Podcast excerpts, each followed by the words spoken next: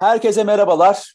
Inustur Oyunlaştırma Sohbetleri podcastinde bugün çok keyifli bir misafirimiz var. Ee, bu podcast öncesi sohbetimizde bile çok keyifli bir e, deneyim oldu şimdiden. Sevgili Emrah Kozan e, bugün bizle beraber. Sevgili Emrah hoş geldin. Hoş bulduk. Merhabalar, nasılsınız? Çok teşekkür ederim. Gerçekten çok keyifli bir yayın olacak. Sevgili Emrah, Pixel Akademi'nin evet, heyecanla bekliyorum. Pixel Akademi'nin kurucusu. Aynı zamanda şu an elimde tutuyorum. Tabii podcast'te gözükmüyor ama en azından şöyle sesini belki şey yapabiliriz. Şöyle e, yaklaşık olarak e, 120 sayfalık e, Design Thinking Tasarım Odaklı Düşünce kitabının Abaküs yayınlarından bu sene çıkan Tasarım Odaklı Düşünce kitabının yazarı. Aynı zamanda Design Thinking Turkey topluluğunun Türkiye'deki tasarım odaklı düşünce ilk ve tek topluluğun e, kurucusu ve lideri e, sevgili Emrah. Hoş geldin yayınımıza. Hoş bulduk. Ee, çok teşekkürler abi. Ee, öncelikle bu güzel davet için çok teşekkür ederim. Ee, harika bir sohbet olacak. Ee, enerjiniz için de e, şimdiden hissettim. Ee, bol tasarımlı ve oyunlu bir sohbet diliyorum. Umarım herkes keyif alır. Hadi biraz tasarım odaklı düşünelim. Sevgili Emrah sen e, bir eğitimcisin e, biliyoruz. Çok farklı evet. kurumlarda ke- keza kendi şirketinde kurdun akademik anlamda. E, çok farklı eğitimler verdin. Biraz seni tanıyalım ve tasarım odaklı düşünceyle nasıl tanıştın? E, bunu da merak ediyorum. Tabii ki seve seve. E, ben aslında bir 15-16 yıllık bir e, bu sektör içerisinde bir geçmiş. E, ilk olarak bilgisayar öğretmeni olarak bir özel okulda bir bilgisayar öğretmeni olarak çalışmaya başladığım yıllarda tanışmıştım Design Thinking'le. E, tabii ki bilgisayar öğretmenliği kariyerimden sonra e, Bilgi Adam Bilişim Akademisi'nde de tasarım eğitmeni olarak e, kariyerime devam ettim. E, 5000 saatten fazla da tasarım eğitimi verdim. E, akabinde işte Adobe Apple Certified Trainer, danışmanlık gibi çok farklı görevler, yönetmeklerle çalışmalarda bulundum. Projelerde yer aldım. Arayüz tasarımcılığı yaptım. UI UX designerlık yaptım. E, sonrasında 2015 yılında e, kendi girişimimi yola çıkarmak için Pixel Akademi'yi e, kurdum Antalya'da 2015 yılında ve 2015 yılından beri hem e, Antalya'da Pixel Akademi ile bilişim uzmanlığı eğitimleri verirken aynı zamanda Antalya Teknokent'te faaliyet gösteren bir uygulama geliştirme firması sahibiyim. Buralarda hem projeler yapıyoruz hem bilişim üzerine, bilişim eğitimleri üzerine çalışmalar yapıyoruz. Aslında farklı noktalarda yer almaya çalışıyorum. İçin hem eğitim hem de sektör tarafında yer almaya çalıştığım için aslında design thinking'in de e, çok farklı noktalarda kullanım konusu aslında sahip oldum. Ve uzun yıl tasarım eğitmeni olarak çalışmış ve bunu proje olarak da sunmuş bir sektör profesyoneli olarak e, konunun çok detaylı ve net bir şekilde anlatılmadığını e, açık açık konuşulmasında e, fark ettim ve yola böyle çıktım. Ben ilk design thinking tanıştığım nokta aslında e, bilgisayar öğretmenliği yaptığım dönemdeydi. Yönlendirme uzmanlığı eğitimi aldığım sırada Hollanda merkezli Sito firmasıyla birlikte bir e, vaka analizi üzerine çalışmalar yaptık. Ölçme değerlendirme üzerine bunlar bir problemle bize geldiler. Ve bunu çözmek için bizden design thinking ile bir e, çözüm önerisi, metodolojisi geliştirmemizi istediler. Ben ilk 21 yaşında e, orada tanıştım design thinking ile ve bu design thinking ile hazırlamış olduğumuz e, çözüm önerisini, çözüm projesinde e, ODTÜ'de düzenlenen 4. ÖİS konferansında sunması yakaladım ve biz o dönem metodolojiyle okulun bu problemini çözdük. Çocuklardaki öğrenme güçlüklerini e, tamamıyla design thinking yöntemleriyle çözerek o dönem sonunda akademik bir başarıya ulaştık. Bu da benim için harika bir tanışma oldu. E, bunun akabinde de zaten web grafik tasarım eğitmenliği ve proje uzmanlığı ile birlikte giden süreçte neredeyse hayatımın her alanında design thinking'i kullanmaya ve uygulamaya çalıştım. Hatta anlatmaya çalıştım. Dilim döndüğünce de gönüllü bir şekilde bu konunun aslında elçiliğini yapmaya çalışıyorum nacizane diyebilirim. İlk kez duyanlar için hani e, tasarım odaklı düşünce, design thinking hakikaten çok böyle e, keyifli bir konu. E, biraz böyle hani trend olan konular oluyor ya Emrah böyle çok hayatımıza dokunmuyor Hı-hı. falan ama tasarım odaklı düşünce bence direkt evet. insanların hayatına dokunabileceği, kendi aslında tasarladıkları bir eğitim tasarımı bile olabilir. Bir ürün tasarımı da olabilir. Bir hatta bir özellikle e, müşteriye deneyim tasarımı da olabilir. Direkt dokunabilecek bir konu olduğunu düşünüyorum. Sen e, bu anlamda dediğin gibi etkinlikler yaparak, kitap yazarak, e, düzenli olaraktan içerik paylaşarak çok önemli Türkçemize katkılar sağlıyorsun. E, dünyada da çok popüler bir konu. E, bize tasarım odaklı Aynen. düşünceyi bir tanıtır mısın? Dünyadaki ve özellikle Türkiye'deki somut örneklerden de paylaşır mısın? Tabii ki çok teşekkür ederim öncelikle. Hakikaten e, dilimiz döndüğünce dizayn ve tasarım odaklı düşünceyi aslında anlatmaya çalışıyoruz. Ama dünyada çok daha ileride hatta 1960'larda başlayan e, müşteri odaklılıkla birlikte başlayan, insan odaklı, insan odaklı olmakla birlikte başlayan bu bilinçlerde hatta 2000'li yıllarda daha fazla önemli hale gelmeye başlayan bir bakış açısı aslına bakarsanız. Yani içinde tasarım var diye e, bir tasarımcı olmanız gerekmiyor. Tasarımcı gibi düşünmek, olaylara, problemlere, sürece tasarımcı gibi yaklaşmak aslında tasarım düşüncenin ve design thinking'in en basit.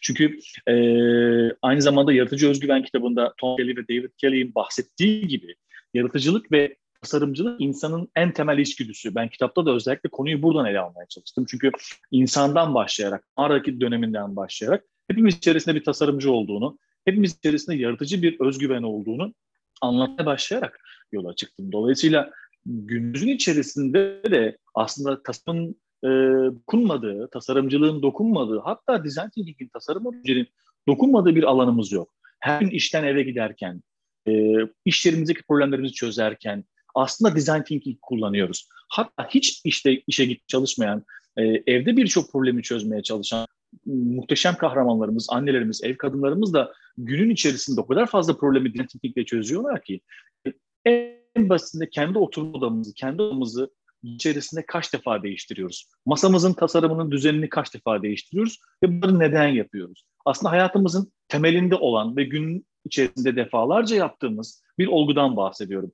Hayatımızda bir problem yumağı var. Her noktamızda bir problem var. Bu bizim için bir challenge, bir aslında fırsat ve bu fırsatları, bu challenge'ları, bu gelişim sürecini biz design thinking yöntemlerini farkında olarak ya da kullanıyoruz ve gün içerisinde birçok işi başarmış şekilde e, yastığa koyuyoruz. İnsanın içerisinde insana ait en doğal süreci olduğuna ben inanarak aslında yola çıktım.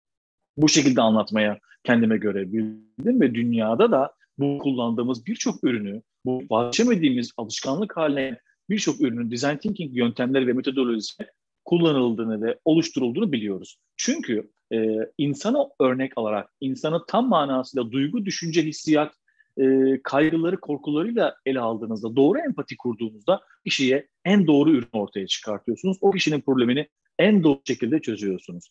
Problemlere tasarım da bir çözüm bildiğiniz gibi bir tasarımcı bakış açısıyla da o problemi soyut ya da somut olarak çözebiliyorsunuz. Aslında design thinking en temelde bu şekilde tanımlayabiliriz. Dünya genelinde biliyorsunuz IDEO firmasıyla ve Stanford Üniversitesi'nin geliştirdiği bir e, metodoloji olarak lanse edildi, anlatıldı ve Oradan, o noktadan gelen işte birçok teknoloji firmasının, sanayi firmasının ürün geliştirirken kullandığı metodoloji olarak lanse edildiği için e, popüler hale geldi ve çok güzel bir şey söyledin abi. Çünkü ambalajlandığında bir şey çok popüler olduğunda sanki bizi uzakmış gibi, soyutmuş gibi ortaya çıkıyor. Benim kitabı yazmamdaki tek sebep buydu. Soyut olmadığını, somut olmadığını hasbelkader nazen ispat etmeye çalıştım. Bizden örneklerle, kişinin kendi e, içgüdüsel yetenekleriyle ortaya çıkaracağı bir yeteneği olduğunu anlatmaya çalıştım. Tasarım odaklı düşünmek insanın hayatını düzene soktuğu gibi kendi kişisel gelişimine de, kendi kariyerine de, hayatında karşılaştığı problemleri de, iş dünyasına da, e, gelecek kısmına da, kariyerine de çok güzel e, destekler. E, ama e, sektöre geldiğimiz, profesyonel dünyaya geldiğimizde e, kullandığımız ürünler, endüstriyel tasarım, teknoloji ürünleri gibi muhteşem başarı hikayeleri var. Bunların hepsi bizim hayatımızın tam da merkezinde bulunuyor.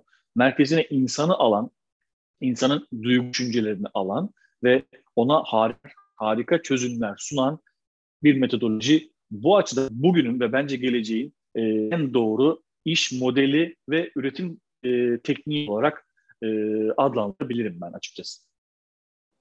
Burada çok katılıyorum sana. Yani özellikle insanı merkeze almak son dönemlerde daha da popüler hale gelecek. Neden? Almıyorduk çünkü. Yani sanayi devrimini geçirdiğimiz, evet. şu an önümüzde durduğumuz bilgisayarlar, işte bizi arabalarından dinleyenler varmış. İşte arabalar, e, işte telefonlar, hatta bu yazılımlar aslında insan merkezli yapılmadı. Bunlar aslında tamamıyla sanayi devrimine beraber herkes için aynı araba var değil mi? Herkes için aynı bilgisayar Kesinlikle. var. Kesinlikle. Herkes için aynı e, işte e, Spotify, aynı podcast teknolojileri var. Şimdi insan merkezli baktığımızda oyunlaştırmayla ortaklaştığı yer bence biraz öyle. Yani iş hedefi belli olacak. Yani bir yerden bir yere gideceğiz ama sen arabayla mı gideceksin, sen bisikletle mi gideceksin, bir yere bisikletle mi gideceksin, bir yere şeyle mi gideceksin gibi böyle enteresan sorular sormaya başlıyorsun ki ben artık son dönemde evet. şeyle anlatıyorum, rejimle anlatıyorum biraz daha bu insan odaklı e, kısımları.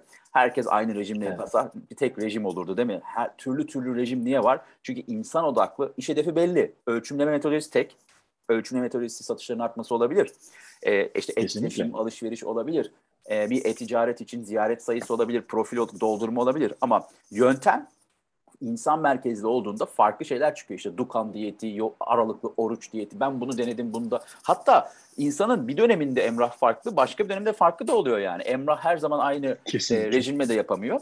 E, bu yüzden insan merkezlilik bence dolaylı yolları, insanların severek yapmak isteyeceği dolaylı yolları bulma yöntemi gibi geliyor. Hedef tabii ki yine üreteceğimiz şey aynı olacak gibi geliyor. Design Thinking'in e, oyunlaştırmayla e, bakıldığında e, iki aşaması var gibi geliyor bana. Birincisi dediğiniz insan merkezli ürünleri tasarlarken yaratıcılık gerekiyor. E, yaratıcılık da ben hep söylerim yani hani daha fazla para veren en iyi fikre bin lira değil on bin lira verince on katı kaliteli fikir gelmiyor. Böyle çalışmıyor yaratıcılık. Yaratıcı ortamları Aynen. oluşturmada oyunlaştırma bence güzel bir fırsat. Yani design thinking, tasarım odaklı bir ürün geliştirirken oyunlaştırma kullanılabilir. Bir de ürün çıktıktan sonra onun kullanımıyla ilgili az önce söyledim oruç örneği ve işte diyet örneğindeki gibi insanların bunu kullanmasıyla ilgili oyun diline uygun farklı yöntemlerle bulunabilir gibi geliyor. Sence design thinking e, oyunlaştırma felsefeleri e, nasıl somut örneklerde birlikte kullanılabilir? Yani aslında ikisinin e, ben de çok yakın ve çok bazı noktada bütünleştiği çok keyifli örneklerde aslında şahit oldum ve e, mümkün mertebe ben de e, gün içerisinde hem eğitim hayatı içerisinde ders anlatırken de bir problem çözerken de kullanmaya çalışıyorum. E, ikisi iki oyunlaştırma ve design thinking'i bir araya getirdiğimizde ancak doğru deneyimle bir doğru ürünü ortaya çıkartabiliyoruz. Çünkü aslında çok güzel bir şey söyledin abi. Ee, öyle bir dönemdeyiz ki artık gerek bireyselleşiyor, kişiselleşiyor. Yani e, kişisel dashboardlar, kişiye özgün Netflix'in bugün yaptığı bu aslına bakarsan. Spotify'ın da yaptığı bu. Aynı yazı kullanıyoruz ama hepimiz farklı arayüzler görüyoruz. Ve burada design thinking kişiye özgü bir e, ürün sonuçlandırması yaparken oyunlaştırma da kişinin o, o alan içerisinde keyif almasını o deneyim sürecini kalitelileştirmesini sağlıyor aslına bakarsan. Birbirlerini bu noktada tamamladığını ve bütünleştirdiğini düşünüyorum. Bu açıdan e, bana çok kıymetli ve e, çok daha bütünleşmiş bir şekilde olduğunu ispat ediyor, getiriyor ve buna benzer çok güzel örnekler var. E, keza design thinking ile ilgili harika örnekler verirken benim de en çok dikkatimi çeken ve en çok doğru bulduğum örneklerden bir tanesi. Örneğin bir e, çocuklar için bir MR cihazıydı. E, keza sen de bilirsin. E, J Healthcare'in e, Deeds tarafından kızını e, MR'a götürürken kızının e, MR cihazına girmek istemediğini keşfediyor ve bundan e, müthiş bir korku duyduğunu, kendisi bizzat gördüğünde e, bununla ilgili bir çözüm geliştirmesi gerektiğini düşünüyor ve oturuyor e, çocuklar için bir MR cihazı geliştiriyor. Oradaki sesler, oradaki süreç düşünsenize biz kaç yaşımızda insanlar bile bir MR cihazına girerken ben hala klostrofobi var, e, korkudan ölüyorum. E, bir çocuk için bu işin ne kadar korkunç olduğunu düşündüğünüzde buradaki süreci deneyimlemeye koyduğunuzda design thinking ile baktığınızda ve için içine biraz da gamification kattığınızda harika sonuçlar elde edebiliyorsunuz. E, G Healthcare bunu şöyle geliştirmiş. Ekip bir araya gelmiş ve iki tane tema yaratmış. Temalardan birinde çocuklar kanoya binip e, uzanmaları ve devrilmemek için hareket etmemeleri isteniyor. Gerçekten hareket etmeden dururlarsa e, çocukların üzerinde balıklar uçmaya başlıyor ve çocuk e, MR süresi boyunca hareket etmeden doğru bir şekilde kalıyor ama çocuk içinde aynı zamanda keyifli bir deneyim, keyifli bir süreç olmuş oluyor.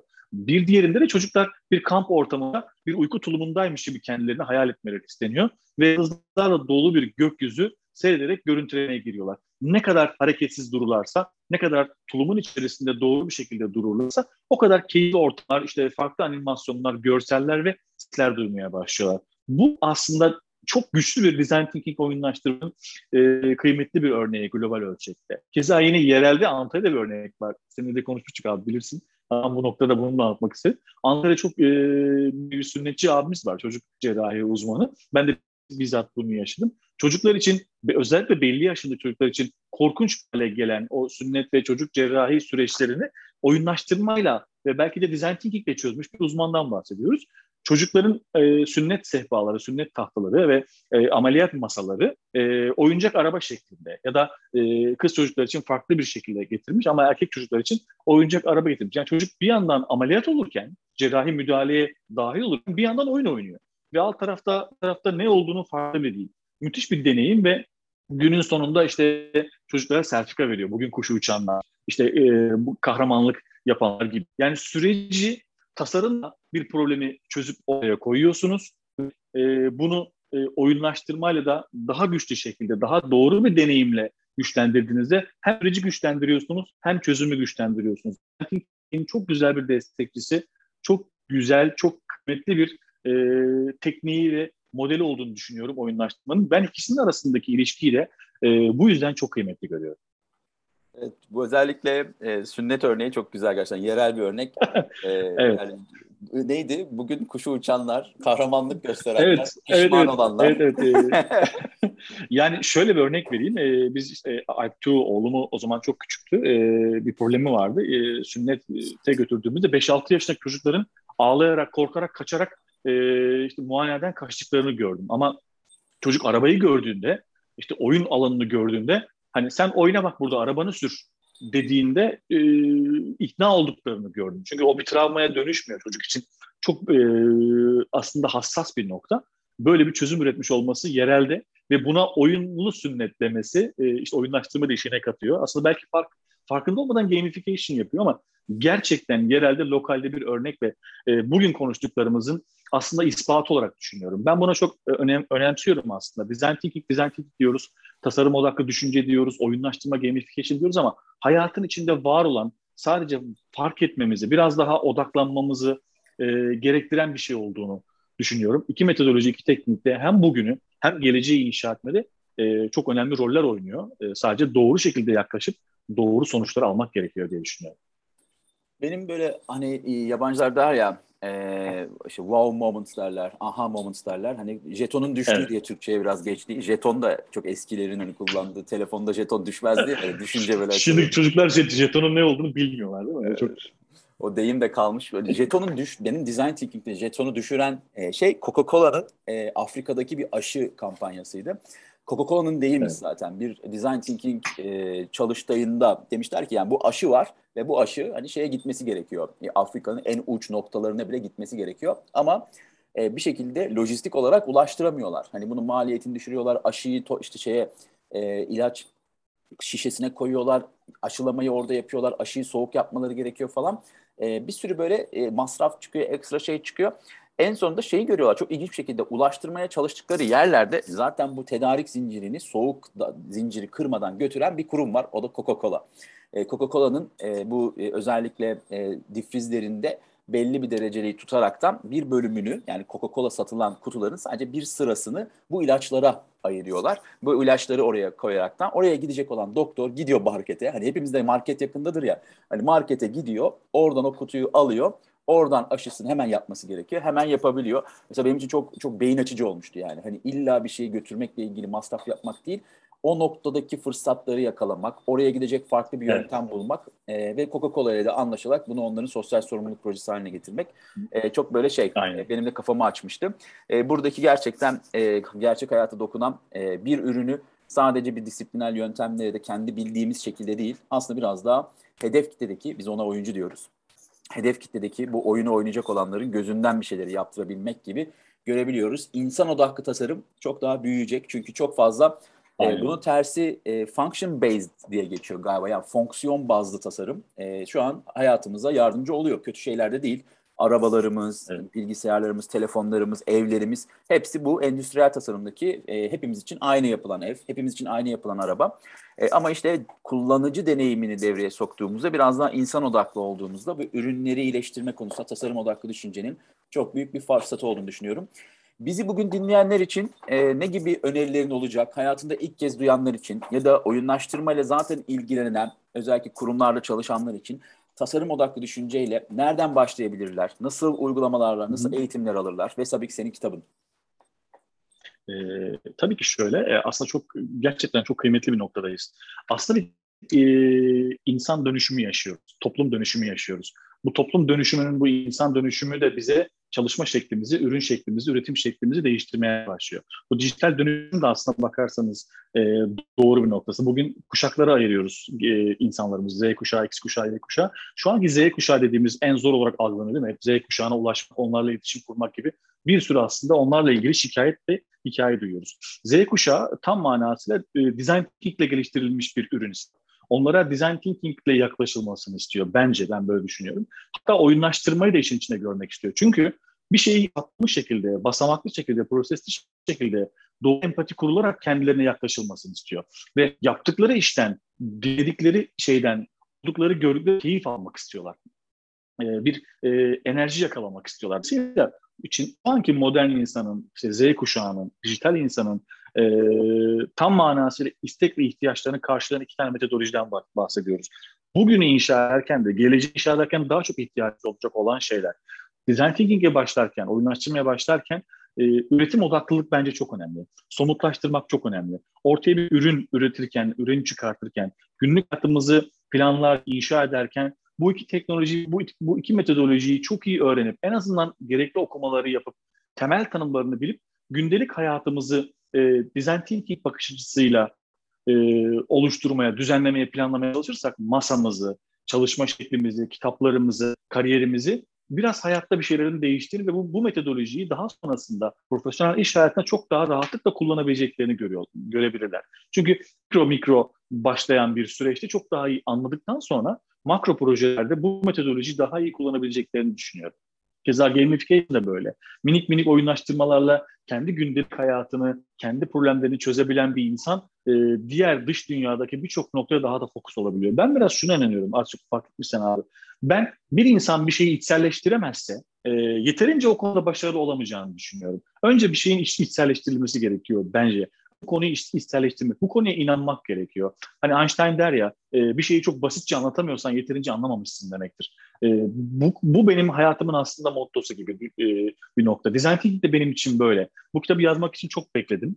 E, çok uzun süre bekledim. Hep kendime şu soru sordum. Gerçekten anladım mı? Design thinking ile ilgili somut tanımlar kurmaya başladığımda ya bu aslında böyle değilmiş noktasını keşfettiğimde benim bir kitap yazmam lazım. E, işte, e, çünkü bugün oturup e, Baktı'ya baktığımda, işte Donald Norman'a baktığımda, Tim Brown'a baktığımda e, aynı noktada aynı fikirlerde örtüştüğümüz görmek beni çok mutlu etmeye başladı. Kitap da bugün birçok üniversitede e, ders kitabı olarak kullanılmaya başladı. İşte İstinye Üniversitesi, e, Austin Teknik Üniversitesi, Akeb Üniversitesi, keza Alanya Üniversitesi. Ben de üniversitede ders anlattığımda kendi kitabımı kullanıyor olacağım. Çünkü ikinci bir Türkçe kaynak yok. Keşke ikinci bir Türkçe kaynak olsa, bir e, challenge olsa bu konuda da ben de o ikinci kaynağı iki kaynak bu süreci aslında daha da zenginleştirsem inşallah biri daha yazar ve karşılıklı fikir alışverişi yaparız. Çünkü ancak bu şekilde içselleştirebiliriz. Bence iki süreci de gamification'da, design thinking'de de önce içselleştirmeleri lazım. Kendi hayatlarından, kendi e, hikayelerinden küçük küçük mikro dönüşümlerle hem gamifike edebilirler hem dizayn edebilirler. Sonrasında zaten e, dizi ve gamification alanda olursa olsun çok rahatlıkla kullanabilirler diye düşünüyorum. Çok kıymetli kaynaklar var. YouTube'da IDEO firmasının dokümanları var. Tim Brown'un çok güzel e, kaynakları var. E, Not Norman'ın çok güzel kaynakları var. E, buralara e, odaklanmalarını öneririm. Ben tabii ki kitabının dışında şu an okuduğum, e, ikinci kez okuduğum Yaratıcı Özgüven kitabını çok fazla öneriyorum. E, Tom Kelly ve David Kelly, IDEO firmasının iki kurucusu ve ilginç bir şey söyleyeceğim. Onların da hayatında bir dönüşüm noktası olmuş. Ben ön sözü okumamışım ilk okuduğumda. Şaşırdım. E, Tom Kelly e, kanser tedavisi görmüş. Ölüm döşeğinden e, kurtulmuş ve ölüm döşeğindeyken iki kardeş birbirlerine söz vermişler. Biz sen eğer hayatta kalırsan artık hayatı e, böyle yaşamayacağız. E, insanlara tasarımın gücünü anlatacağız, yaratıcılığın gücünü anlatacağız ve bir kitap yazacağız diye. Bunlara da çok ciddi şekilde etkilenmiştim. İşte duygu olan, yani insana ait hikayelerin olduğu her şey kaliteli ve kıymetli hale geliyor. Bu günümüzde daha da kıymetli, değerli hale geliyor. O yüzden kendi iş dünyamızı keşfedip, kendi iş dünyamızda bir şeyleri çözüp sonrasında dışarıda çok daha başarabileceğimize inanıyorum. Açıkçası uzattım, e, kusura bakma ama bunlar da istedim. Çok da güzel bir e, uzatma oldu. Çok teşekkür ederiz. E, David Kelly de hani e, çok da güzel e, bir öncülük yapmış. Ama Türkçe kaynak da e, sen e, aynı benim de gamification'da açtığım yol gibi diyeyim. Çok az evet. Türkçe kaynak vardı. E, oyunlaştırmayı biraz şu an kurumlar bakabiliyorsa benim de 2015 yılında yazdığım kitap sayesinde e, burada da sen inşallah tasarım odaklı düşünceyi de e, demokratize ettin diyelim öyle diyorlar ya hani herkesin ulaşabileceği bir şekilde e, Türkçe kaynaklarla kendi dillerinde e, bir insanın bir konuyu kendi dilinde öğrenmesi kadar değerli bir şey yok. Üniversitelerde ders kitabı olarak okutulması da çok ayrı gurur verici. Elinize sağlık diyorum sevgili Emrah'cığım. Bugünkü Illustrator Podcast'inde de e, kardeş disiplin diyelim. Yani oyunlaştırmanın kardeş disiplini e, belki e, hikayeleştirme olabilir. E, storytelling çok bizim çok hoşlandığımız bir isim ama ürün geliştirmede de çok yakın olarak gördüğümüz e, bir disiplin yine tasarım odaklı düşünce ve design thinking'i Inustur e, podcastlerinde senle konuştuk. E, ve çok da güzel bir tamamlama oldu. E, şimdiden kariyerinde başarılar diliyorum. E, bizim podcastlerimizi dinleyenlere de son bir söz olaraktan sana bir son sözü veriyorum. Çok teşekkür ederim. Çok sağ ol. Gerçekten benim için çok kıymetliydi. Ee, hem dinleyenlere çok teşekkür ediyorum. Sabır gösterip bu dakikaya kadar geldilerse keyif almışlardı demektir. Umarım öyle olmuştur. Görüşlerini de bizlerle paylaşırlarsa çok teşekkür ederim. Ee, sana da çok özellikle teşekkür etmek istiyorum bu podcast vesilesiyle. Ee, aslında bu yolda birazcık bu yolu bana açan ve cesaretlendiren birazcık Ercan Altuğ Yılmaz'dır. Ee, hem e, abiliği için hem o e, candan e, bakışı ve inancı çok önemli. Bir kişinin size inanmış olması ve bunu inandığını hissetmeniz sizi çok ciddi şekilde güç ve enerji veriyor. Ben birazcık Ercan Altuğ Yılmaz'ın bu tarafını çok seviyorum. Ee, onun bana olan inanmışlığı sayesinde aslında bu kitabı birazcık yazdım. Abi kitap yazmam lazım.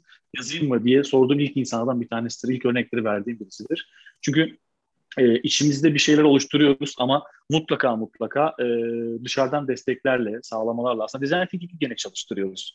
E, testlerle, prototiplerle e, sağlamasını yapmaya çalışıyoruz yaptığımız için. E, bu da çok kıymetli bir destekti. Öncelikle hem etkinliklerde vermiş olduğum destek hem kişisel olarak e, bir abi olarak bana yaklaşım için çok teşekkür ediyorum. Türkiye'de oyunlaştırma ve gamification tarafında yaptıkların ve böyle bir koridor açtığın için çok teşekkür ediyorum. Bugün biz Design Thinking Turkey topluluğu olduysak bunun da mimarlarından birisi. Onun için çok teşekkür ediyorum. 30 kişilik e, bir Design Thinking Turkey topluluğu oldu ve demokratize etmek için e, çok güzel ifade ettin. Büyük bir mücadele, büyük bir savaş veriyoruz. Bizzat yakından takip ediyorsun. E, yine Design Thinking Submit'ler, yeni etkinlikler, yeni güzel çalışmalar yapmak için bu yoldayız. Çünkü e, off the record parayı mutlaka herkes bir şekilde bir yerden kazanıyor. Ama değer üretmenin, değer yaratmanın, e, insanlara dokunmanın, yardım etmenin ne kadar kıymetli bir şey olduğunu ben biliyordum ama bunu sende de görüp senden de böyle bir e, ayna görüyor olmak beni daha da cesaretlendirdi. O yüzden çok teşekkür ederim. Çok sağ ol Emrah'cığım. E, mahcup ettin. E, Emrah Kozan diyerek sana ulaşabilirler. Design Thinking Turkey diyerek e, diğer topluluğa da ulaşabilirler. E, bugünkü yayında da e, çok güzel paylaşımlar oldu. E, hepimize sağlıklı bir gün diliyorum. Tekrardan bir başka podcast'te görüşmek üzere diyorum. Teşekkürler Emrah'cığım. Ben teşekkür ederim. Görüşmek üzere. İyi günler.